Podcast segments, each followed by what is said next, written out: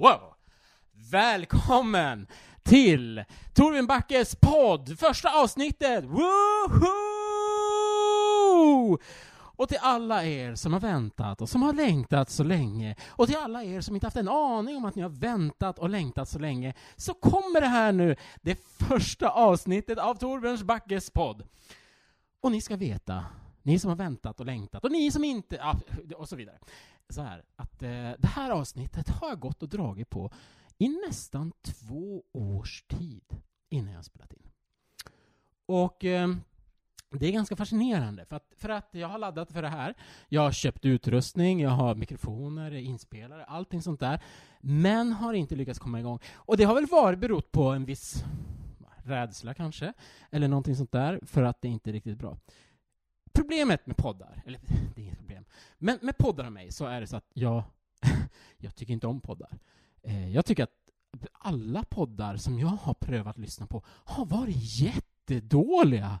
De har verkligen, verkligen, verkligen, verkligen inte haft någon kvalitet som jag har uppskattat på något sätt. Och då går man så här, ah, ja, men jag ska göra en podd, jag ska göra en podd, den ska bli så bra. Och när man har den inställningen, eller i alla fall jag, när jag har den inställningen, ja ah, men nu har jag kvalitetskrav på mig, därför att jag tycker alla andra poddar är så dåliga. Det, jag drar mig inte för att säga det till andra personer, jag säger det till och med här i, i den här, att alla poddar jag lyssnar på tycker jag inte om. Eh, Okej, okay, jag har inte lyssnat på alla poddar som finns, men, men jag tycker inte om dem. Och då är det så här, men då måste ju jag göra någonting bra. och det har nog hämmat mig en hel del. Det har varit lite andra problem också. Jag har haft en sidekick till exempel som, som hoppade av strax före vi skulle spela in ett, det första avsnittet, så jag var tvungen att bygga om hela programidén och så vidare. Eh, men nu, nu skiter jag i att jag inte har någon sidekick. Jag skiter i hur det blir. Jag ställer inga som helst kvalitetskrav på mig, för jag vet jag vet från början att det här kommer inte bli bra. Jag har inte ens något puffskydd på mikrofonen som är audionördar där ute kommer att klaga på, garanterat. Varsågod och gör det direkt. Eh, ni kan gå in på Twitter, ni kan eh, skriva till eh, mitt Twitterkonto som är Torbjörn Backe. Woohoo! Skriv där, skriv vad ni tycker. Så. När jag började och tänkte så här, men jag ska göra en podd. Då tänkte jag så här, men vad vad, oh, förlåt, jag ska inte svära här i podden. Vad ska eh, den här podden handla om? Eh, och eh, framförallt så hade jag, så här, jag byggde upp ett stort, eh, här, fantastiskt schema för att ja, man skulle ha den här delen, man skulle ha den där delen, och så skulle det gå in i det, och det skulle ge en sån känsla hos lyssnaren, och allting sånt där. Eh, och det var ju ganska komplicerat, var, och jag gjorde framförallt gjorde ingenting. Men så, så jag tänkte så, ja, men, jag, ja, men jag gör det, jag, jag började tänka på det här, men jag ska göra någonting enkelt bara. Jag gör bara någonting, så får jag träna upp det här. Och, så jag, jag tänkte så, ja, men jag gör en brädspelspodd. Det blir jätteintressant. oh, Gud. Som ni förstår, så när jag började lägga upp eh, upplägget för brädspelspodden, eh, det, jag skannade i marknaden, det finns en brädspelspodd, så jag tänkte ah, jag kan göra BS-podden, bara en massa brädspel. Men, vet du hur tråkigt det var? Det var ju så fruktansvärt tråkigt. Alltså det, ah, ja, jag, kan, jag kan som inte nämna hur tråkigt, så jag lämnar den idén. Och tänkte istället, ah, men vad ska jag göra? Då kan jag göra Torbjörns turfpodd. Eh, för alla er som inte har turfat, så Turf det är ett GPS-spel, eh, eller ett orienteringsspel som man använder mobilen, GPSen i mobilen. Och, och så då finns det zoner lite utlagda överallt. Bor du i Sverige, en medelstor stad i Sverige, då finns det garanterat en massa zoner där. Du bara ladda hem appen, eh, använd den, eh, gå, eh, öppna den, eh, se, åh, oh, där är nästa zon, och så går du dit, ställer dig där, har igång, eh, sätter igång GPSen och allting. Så får du den zonen, och så om du har tur, så tycker du att det här är jätteroligt och håller på en massa, massa, massa. Men eh, då tänkte jag så här, ja men då kan jag gå omkring och så kan jag turfa, och så kan jag podda med så här turfar. Och det kanske skulle vara jätteroligt i och för sig. jag tänkte att det är tråkigt. Men det skulle faktiskt kunna vara jätteroligt. Det skulle kunna ge en jättestor... Så här, men, men, samtidigt så känner jag bara, nej, nej, nej, det var inte riktigt det jag ville ha. Jag vill göra en podd om ingenting, tänkte jag.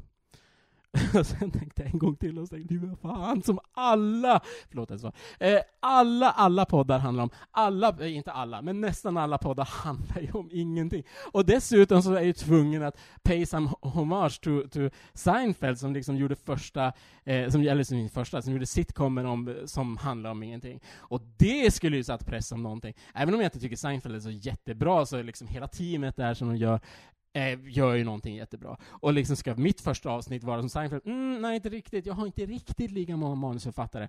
Eh, jag har en. Eh, mitt manus består av papper. Jag skriver ledord. Så! Jag bestämmer mig för att jag ska inte göra en podd om ingenting. Jag ska göra en podd om mig. För det finns inte en käft i hela världen som bryr sig om att göra en podd om mig. Den är fullständigt unik! Ni kan ge er tusan på att det inte finns en enda person i hela världen som är intresserad av att göra en podd om mig. Jag är helt säker på det. Det, och, och, så det är ju alldeles ypperligt. Och jag, det finns bara en av mig. Det finns bara en av mig, och det är jag. Så välkommen till första avsnittet av Torbjörn Backes podd Woohoo! Och jag tänkte inleda den här podden med att läsa lite grann från min favoritbok.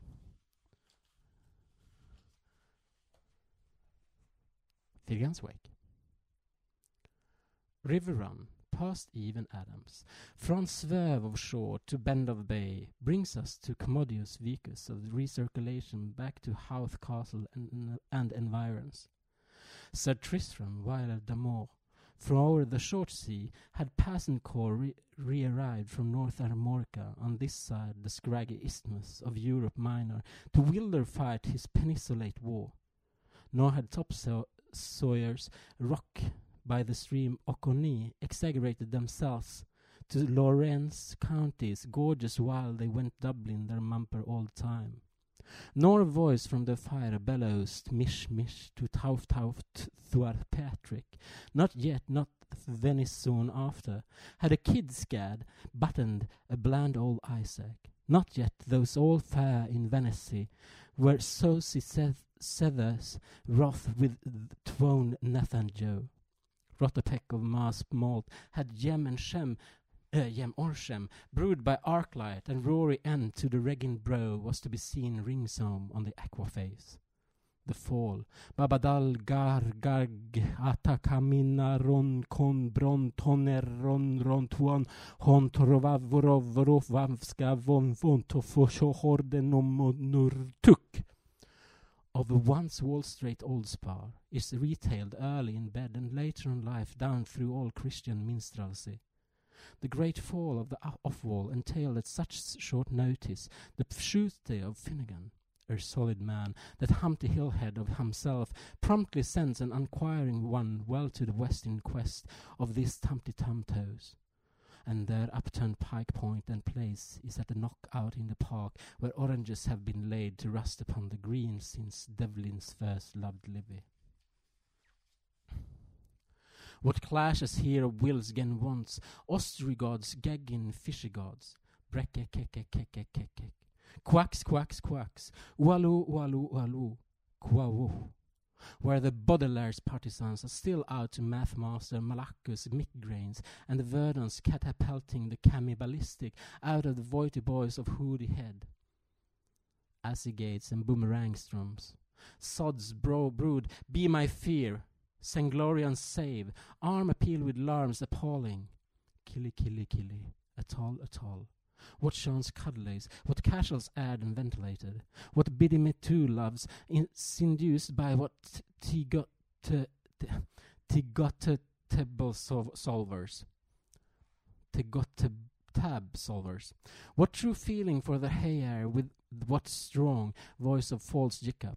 Oh, hear, hear how Hothsproul met the dusk, the father of fornicationist, but O my shining stars and body, how hath fame spanned most high heavens the sky sign of soft advertisement? But was is, is it, ere were sewers, the oaks of old, now they lie in peat, yet elms leap where Eskes lay. Fall if you must, uh, fall if you fall If you but will, rise you must, and none so soon either shall the farce for the nuance come to set down secular phoenix.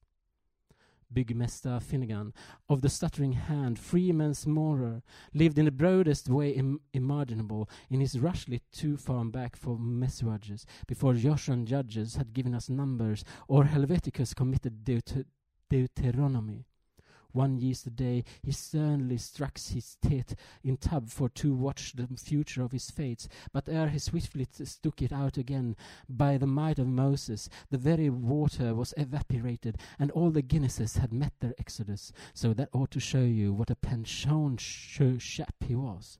And during mighty odd years, this man of hod, cement, and edifices, in to Topes Thorpe, Pal Bildung, Supra Bildung, pond the banks for the livers by the Suangsu.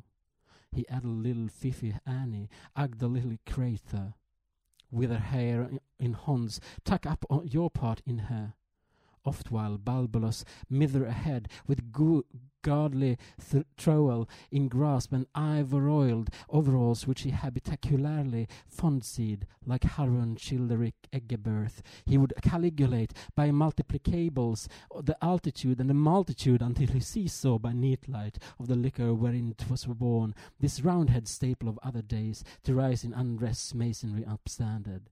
Joe granted of Walworth, of Skyerscape, of most eyefold the youth, Hoyth and Towerley, originating from next to nothing and celestialating the Himmels and all.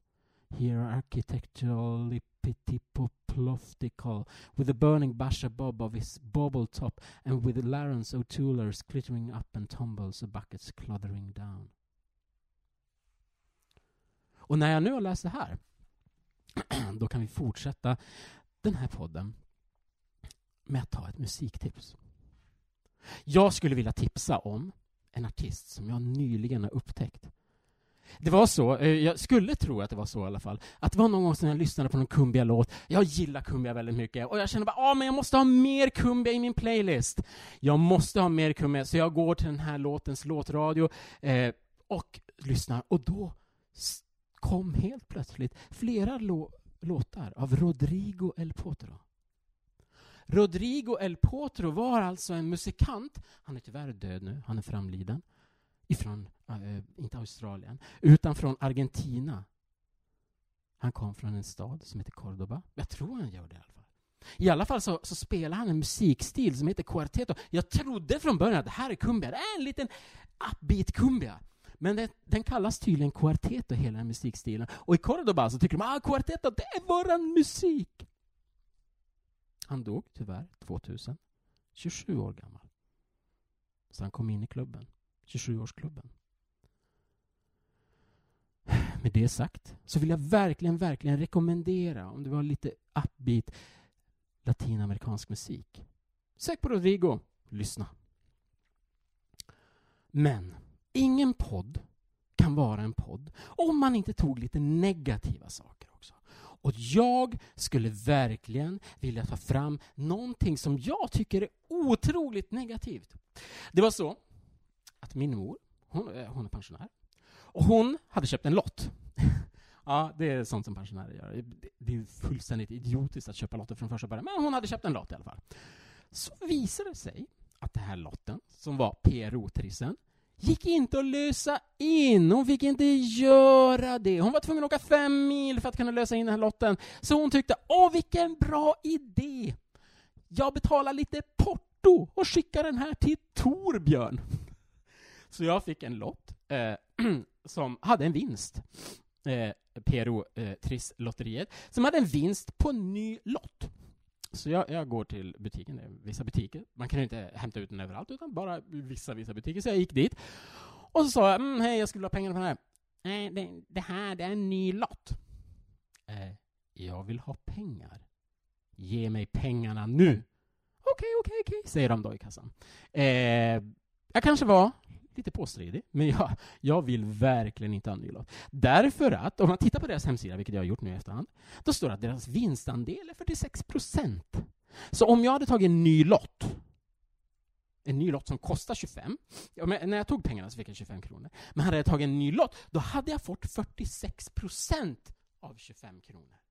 Vilket är fullständigt idiotiskt. Vilket är så fruktansvärt idiotiskt. Men det som jag vill komma till nu är att det inte ens stämmer. För att om de i sitt partiprogram, eller vad man ska säga är, i deras vinstplan som de har över sitt lotteri, jag gick in på PRU och Trisslotteriet och kollade på deras vinstplan, då står det att av hela 6 miljoner lotter som de säljer, så är 684 stycken eh, 684 000 stycken ger en ny lott i vinst om man tittar på det här, om man inte får ta ut pengar på de här, där du tar en ny lott, då betyder det att det här lotteriet har inte alls 6 miljoner antal lotter. Eftersom en, en ny lott kommer ju gå direkt på 684 000 av de här lotterna. Det betyder att det här lotteriet har så mycket som 5 316 000 lotter för 25 kronor. Det är ett sammanlagt värde på 132 900 000. Och det de säger, att de har ett vinstvärde på 69 miljoner på de här 5 316 000 lotter, stämmer ju inte alls. Det är ju snarare så att de har 51 miljoner 900 000 i vinstvärde då, eftersom vi måste räkna bort alla de här 64, 684 000 lotterna som egentligen bara driver lotteriet vidare. Och det betyder att i faktum är att vinstandelen inte är några 46 procent, utan vinstandelen är nere i 39 procent. Samtidigt som staten med 46 procent. Och det tycker jag är bedrägeri. Varför ska vi hålla på och lura pensionärerna? För det är ju huvudsakligen pensionärer som går på det här. Och pensionärer, du kan ge dig tusan på att de kan inte stå på sig. De kan inte säga så här, jag vill ha pengarna. De kommer säga bara, ja, ja, okej då, jag tar den här nya lotten och blir blåsta, inte bara en gång, utan två gånger på, ett, på en vinstplan där de säger att de ska få 46% tillbaka av sina 25 kronor, men i verkligheten får de 39% tillbaka. Det här är ren och skär bedrägeri. De skulle lika gärna kunna ge bort, om vi har 39, de skulle kunna ge bort 61% av sin lön, eller av sin pension. Och det är det de gör.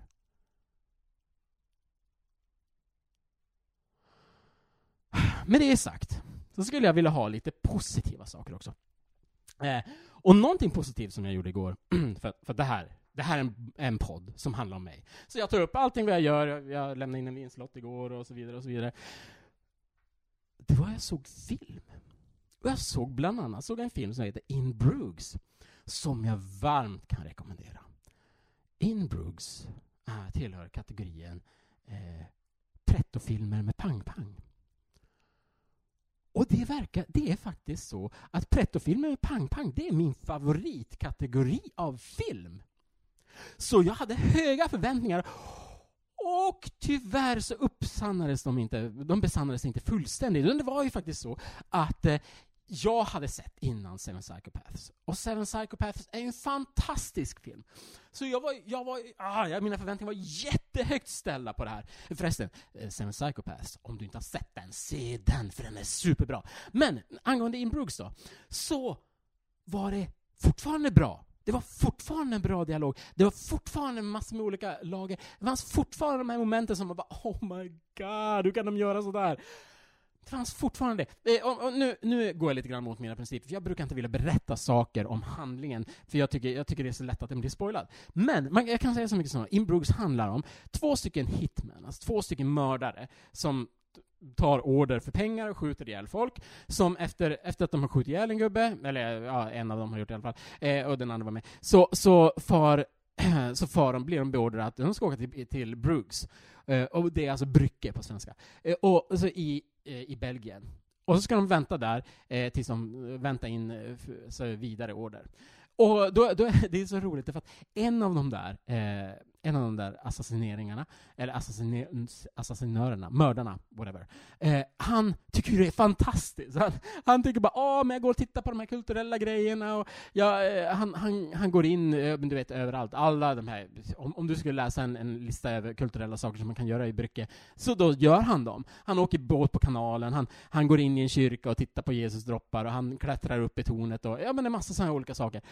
Och den andra mördaren då, han han tycker det är bara fruktansvärt tråkigt. Och jag förstår ju honom till fullo. Jag, jag skulle, skulle jag vara med där, då skulle jag vara fruktansvärt uttråkad över det här. Och, och där, bara redan där har du ju liksom en grundkonflikt som, som de eskalerar, som, som de gör någonting med. Eh, och, jag, jag, jag Eh, jag kan bara rekommendera att om, om, du gillar filmer där man tänker lite grann och där man skjuter lite grann, så se den här filmen. Och av en händelse såg jag en till film. Jag hade ingen aning om att den tillhörde samma kategori, men det gjorde den faktiskt. Den är inte fullt lika bra, men jag kan fortfarande rekommendera den. Den är lite mer hardcore. Eh, på flera sätt faktiskt. Den lite, mer, alltså lite grövre våld, eh, det är lite mera, eh, allusionerna är, är, ligger lite djupare, det är lite svårare, det, den är politisk. Eh, den heter Killing Me Softly. Så, så det är ett politiskt drama eh, där de skjuter en massa. Och den, den, börjar, den börjar väldigt, åh oh, oh, gud som den börjar. Den börjar med att det är två stycken skurkar som, eh, eller skurkar, två stycken riktiga losers som får ett uppdrag. De, de, ska, de ska göra en kupp, de ska, Ah, hur som helst, de ska gå in med, med vapen, de ska sno massa pengar.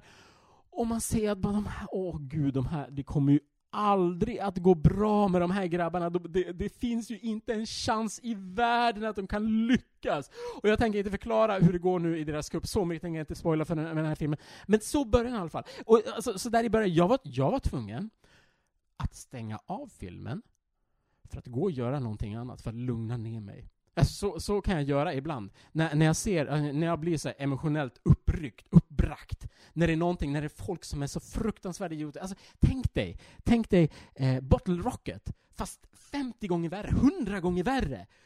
Åh, vilka idioter! Det finns Eh, det, det kommer att tänka mig, det finns en film som jag skulle vilja se, som jag ska försöka få tag på snart. Eh, Four Lions. Det handlar också om idioter som terrorister, men den tror jag är mycket bättre. Men, Eh, ja, eh, sen kan jag ju säga, liksom i den här Killing Me Softly, så huvudpersonen, står det, är eh, Brad Pitt. Det är ingen anledning att du ska se filmen. För om du tycker om Brad Pitt, så han spelar inte väldigt Brad Pitt, Pittskt. Eh, utan han, han är, äh, även om han är liksom producer, alltså producer, vad heter det på svenska? Jag kommer inte ihåg vad det heter på svenska, men han är, han producer, han producerar, producent heter det på svenska. Han producerar filmen så, eller kanske just därför, så får han, så har han en roll som, ja, han, han är mördare i den här filmen. Det, det, kan jag avslöja så mycket. Det, det, förstår man på första klippet när han kommer in. Och han inte in från början. Han kom in efter, efter ett tag. Eh, och jag visste ju inte förresten om att Brad Pitt skulle vara med i den här filmen. Så, så vad heter det, eh, när han kom så var, var jag så bara, vänta, eh, är det där Brad Pitt? Det låter som Brad Pitt, det ser inte riktigt ut som honom, men nah, det skulle kunna... Det var Brad Pitt. Och... Eh, jo, han gör ju en ganska bra roll. Men, jag, jag skulle vilja säga att en stor brasklapp, de flesta kommer inte tycka om eh, Killing Me Softly. Absolut, de, de stora flertalet av publiken som skulle kunna tänkas gå och se den filmen, som skulle kunna tänkas hyra den, eller jag tror inte, ens, jag tror inte den finns på Netflix. Finns det en film som, som har, kräver lite tankemöda, finns inte på Netflix. Det, det, är ett, eh, det är deras slogan, helt enkelt. Eh, men eh, Killing Me Softly, vi, alltså det, för dramaturgin är så uppbyggd i den, så att och nu kommer jag spoila lite grann. Nu kommer, jag är tvungen att göra det för att beskriva. Men dramaturgin eh, leder till ganska mycket meningslöshet i filmen. Och det är en del av filmens poäng. Lite grann som Främlingen. Alltså, Kafkas, eh, inte Kafkas, ah, vad heter han? Camus Främlingen, givetvis. Eh, så, så, är, så är nihilismen liksom en, en poäng med hela filmen. Eh, och, och ehm, det, det, kommer att stöta bort, skulle jag säga, 95 % av alla som ser den här. Men om, om du är lite, lite så här, ah, men jag gillar pretofilm, jag gillar pang-pang, eh, vilket är en ganska, ganska liten kategori av alla filmtittare, så varsågod och se den! Eh, men In Bruges är bättre. Då har vi tagit musiktips. Vi har tagit filmtips. Då skulle jag vilja berätta om Försäkringskassan. De ringde mig igår angående vård av sjukt barn. Och det var ganska intressant. därför att jag eh, de var väldigt trevliga. De var väldigt, väldigt trevliga. Jag, jag har ingenting emot Försäkringskassan. Eh, de, de, det är en bra organisation, en bra byråkrati och så vidare. Det, det enda, de enda som jag tycker är bättre av, av de, här, de, stora svenska byråkra, byråkratierna, det är, det är Kronofogden. De, de var så, jätteprofessionella. Men Försäkringskassan, eh, jättetrevlig tjej, hon ringde och sa så här att ja, du har ju uppgift de här sakerna. Ja, jo, det stämmer. Så. Eh, och när vi kontaktade din arbetsgivare, då uppgav han en mycket lägre siffra. Eh, och jag förklarar ju naturligtvis, ja men det beror ju på att jag, min kontraktering, det jag är kontrakterad för, det är ju bara en liten struntsumma mot allt jag jobbar. Jag jobbar ju mycket mer. Och de sa, ja, jo, men då måste du skicka in uppgifter här och så kommer vi kunna, kan vi justera det utifrån det. Och, och som deras utbetalningsplan är, så är den katastrofal. Den, den är ju otroligt ofördelaktig eh, mot, mot folk som jobbar deltid. Eh, jag, alltså, alltså, jag, jag är en idealist. Jag är inte pragmatist. Och jag, jag tycker att jag är väldigt mycket för jämlikhet. Jag är väldigt mycket för att alla ska få lika mycket del av någonting om det är så. Och med vård av sjukt barn, med vabbningen, så är det inte så. Utan det är extremt ofördelaktigt att jobba deltid som eh, för, för vård av sjukt barn. Därför att din totala inkomst räknas mot den tid som du jobbar. Och det, nu kanske man inte förstår det här. Jo, men det innebär ju att du, det, alltså du eh, eh får, eh, de räknar dubbelt bort om du jobbar deltid. Dubbelt bort. Upphöjt till två. För, för, ta ett litet exempel här. Om vi har två personer som jobbar eller två, jag, jag har eh, skrivit ut en liten matris här, så, så, vi har inte bara två personer, vi har flera personer. Men, men vi har lite olika personer som har jobbat, eh, som har tagit hand om ett barn en hel månad. Den som jobbar 100% kommer få 80% av sin inkomst. Under vård av sjukt barn. Den som jobbar 90 procent får helt plötsligt bara 65 procent av sin inkomst under vård av sjukt barn. Den som jobbar 80 procent får 51 procent av sin inkomst. Och så vidare och så vidare. Ta ett exempel. Den som jobbar 50 procent får 20 procent av sin inkomst under vård av barn.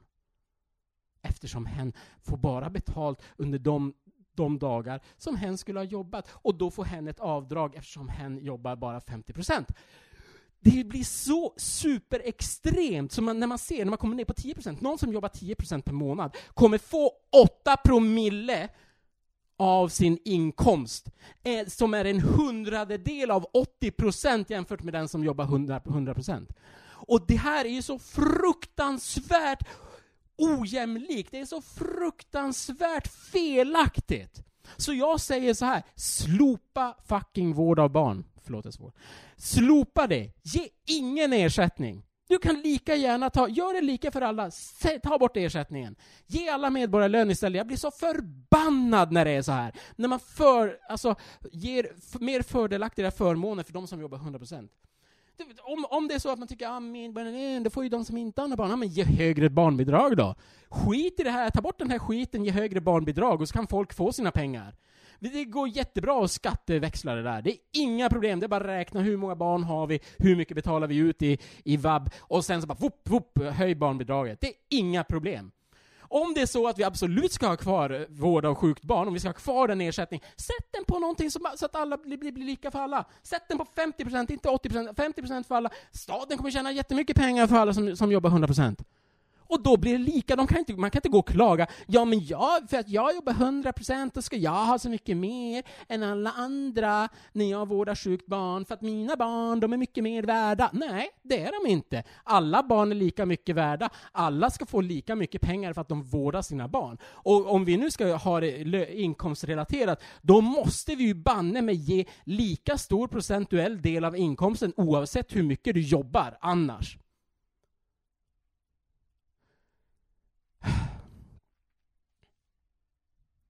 Och det är, jag tycker, sett 50 procent.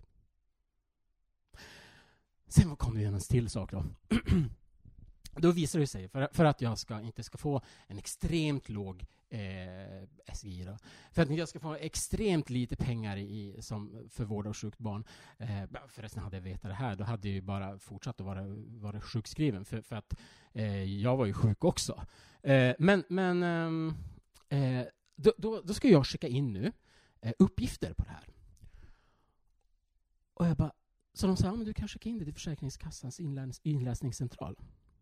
Jag bara, Vä vänta här nu, vänta här. Säger du att jag, att jag ska skriva ut de här, jag ska fota de här dokumenten, omvandla dem till pdf skriva ut dem och skicka dem med brev till er inläsningscentral för att ni ska omvandla de här breven till digitalt format. Hur jävla idiotiskt är inte det här? Vi lever i ett samhälle, vi lever i 2000. Alla har tillgång till en dator. Nästan ingen har tillgång till, till en eh, kopiator. Så därför ska vi betala, vi i samhället ska skicka runt en massa, massa papper runt med bilar till Östersund för att de ska göra samma, reversera hela processen och ta ut det digitalt när det fanns digitalt från början. Vad är det för någon fruktansvärt idioti? Och jag lovar, eller jag, jag ber, snälla, om det finns någon som hör den här podden, som har någon makt att kunna påverka det här, ta och ändra på det här. Ändra på det så att man kan skicka in sina dokument digitalt. För alla har tillgång till digital, alltså digital eh, överföring. Det, och, det kostar bara en massa pengar för samhället. Visst, om vi vill värna om posten, om Postnord, men Postnord är ett döende företag. Postnord är ett företag som, som håller på att gå in, gå in och det är helt rätt. Vi ska inte skicka runt papper, vi ska inte slösa en massa energi på det, när vi kan skicka information digitalt. Som kostar en bråkdel av vad det kostar att skicka dem med, med, med ja, vad heter det, lastbil, som nu posten gör. Mm. Jag vill avsluta det här med att prata lite grann om ett brädspel. jag kan inte låta bli. Det är så, eller brädspel, kortspel, ah, whatever. Det är samma kategori. Och då skulle jag vilja ta upp, jag skulle rekommendera ett spel som heter Set. Jag jag spelar det väldigt mycket på senaste tiden. Och det är ett spel som är väldigt, väldigt bra, för det passar i många olika situationer. Det är, det är unikt så tillvida att du kan spela det från en person och upp till, ja, på paketet står det, eh, står det vad, 20 står det. Det beror lite grann på hur många du vill ha runt bordet och hur, så att alla kan se korten. Men du kan faktiskt spela det alldeles utmärkt med, med, flera, med många, många olika personer samtidigt som du kan spela på en. Och det är ganska unikt inom brädspelsbranschen. Och, och det, det, spelar bra också. Jag tycker, jag tycker det är väldigt vilsamt. Om man, om man är så lite stressad, målstressad och vill lägga någon form av patient så är det det bästa sättet. Då kan man lägga, ja, men då ska jag förklara hur set går ut. Set består av 81 stycken kort. Och de har fyra stycken olika kvaliteter, de här korten. De har olika färg, de är röda, lila och gröna. De har olika form, de har fyrkanter och de är ovalformade. De, eh, och så har de en sån här vågformning kan man säga. De har olika antal av de här figurerna. De har en, två, tre. Jättelätt. Och sen har de en ifyllnad. Antingen så är de fullt ifyllda, så det är bara färg, eller så har de ingen ifyllnad, det är bara som en liten, liten kant. Eller så har jag som bräckade, så att det är lite halvt ifyllt där inne. Och, och, och, då, och, då, det man ska göra då, det är att man lägger ut en matris på bordet. Eh, förslagsvis bord man kan lägga på golvet också om man absolut vill göra det, men, men jag, jag rekommenderar att sätta det på bordet. Och då sätter man det på bordet, och då, se, då får man titta här om man hittar ett sätt. Och ett sätt är då i eh, alla de här fyra kvaliteterna så ska man antingen ha alla av samma eller alla av olika. Och det är ju jättelätt om du till exempel har eh, tre kvaliteter, alla samma, och så har du en olik. Det syns jättetydligt. Låt säga att alla är röda, alla är eh, ovalformade och det finns två av alla. Det, då, då, är det bara, då är det liksom ifyllnaden, ser du tre olika ifyllnader, bara, ah, sätt. Och så kan du ta sättet. Eh, det är lite svårare när helt plötsligt alla ska vara olika. Då, då, bara, gå, då går gärna på högtryck man ser inte alls och man får eh, liksom processera jättemycket för att få det. Men det, det, som också är bra med det här, som jag tycker, är att du kan spela det med vem som helst. För att det, det, är, som, det är så ytterligt mänskligt att se former och att försöka förstå dem och försöka hantera dem. Eh, och jag spelar med barnen. Barnen tycker om det. Eh, och, och man, man, kan, eh, som, man kan spela det här antingen mot varandra, som att ah, vem, jag får fler sätt än dig, du får mindre sätt än mig, och kan man säga. Eller så kan man bara, men vi spelar alla tillsammans. Okej, sätt här, ah, vi fick ett till sätt, fantastiskt, vi gör det så snabbt som möjligt. Vi gör det så snabbt som möjligt, vi kan prata så snabbt som möjligt, vi kan sätta sätten så mycket fort som möjligt, sätta ut korten, och vi kan göra allting så snabbt som möjligt. Och vi gör det tillsammans, och vi får bara, ah, det här, vi är en grupp, vi gör det här tillsammans. En underbar känsla, man kan göra det med barnen. Barnen tycker mycket, mycket bättre om det än när jag håller på att ah, mm, nu förlorar jag igen. Na, na, na, så, sätt passar sig i väldigt, väldigt många olika situationer. Och det, det, och det är till och med förnöjbart också att spela på en. Jag har alltid tyckt att brädspel, det, det är en social aktivitet som man spelar med flera, man träffar människor genom att spela, spela brädspel. Men just sätt är ehm, um, undantaget som bekräftar regeln. Nu är det dags att avsluta det här. Eh, det här är faktiskt andra inspelningen som jag gör det här, tror det eller inte. Men det är så att första inspelningen som jag gjorde det här, då avslutade jag med en liten sång. Jag sjöng en jättefin sång. Sen så ringde jag Stim och sa så här, ja men om jag sjunger en sång måste jag betala, betala pengar? Och sa, ja jo du måste betala pengar. Ja okej, kan jag betala en engångssumma? Nej, du måste betala 350 kronor i månaden om du ska ha det här. Okej, Okej, så jag har 350 kronor i månaden. Jag har inga som helst intäkter på det här. Ja, nej men det är 350 kronor, det är minimum. Eh, om du tjänar pengar på det, då kan vi börja prata om att du ska betala mera. Så jag så bara, okej, men tack så mycket för alla undantag. Eh, det, det spelar ingen roll om jag nynnar det. Nej, om du nynnar det, då återger du liksom så här, bara, ah. Så tyvärr, kära poddlyssnare, så kommer ni inte få höra en sång nu, utan ni får höra på tomheten. Ha en underbar dag tills vi hörs igen, vilket jag hoppas. Det här är Torbjörn Backe.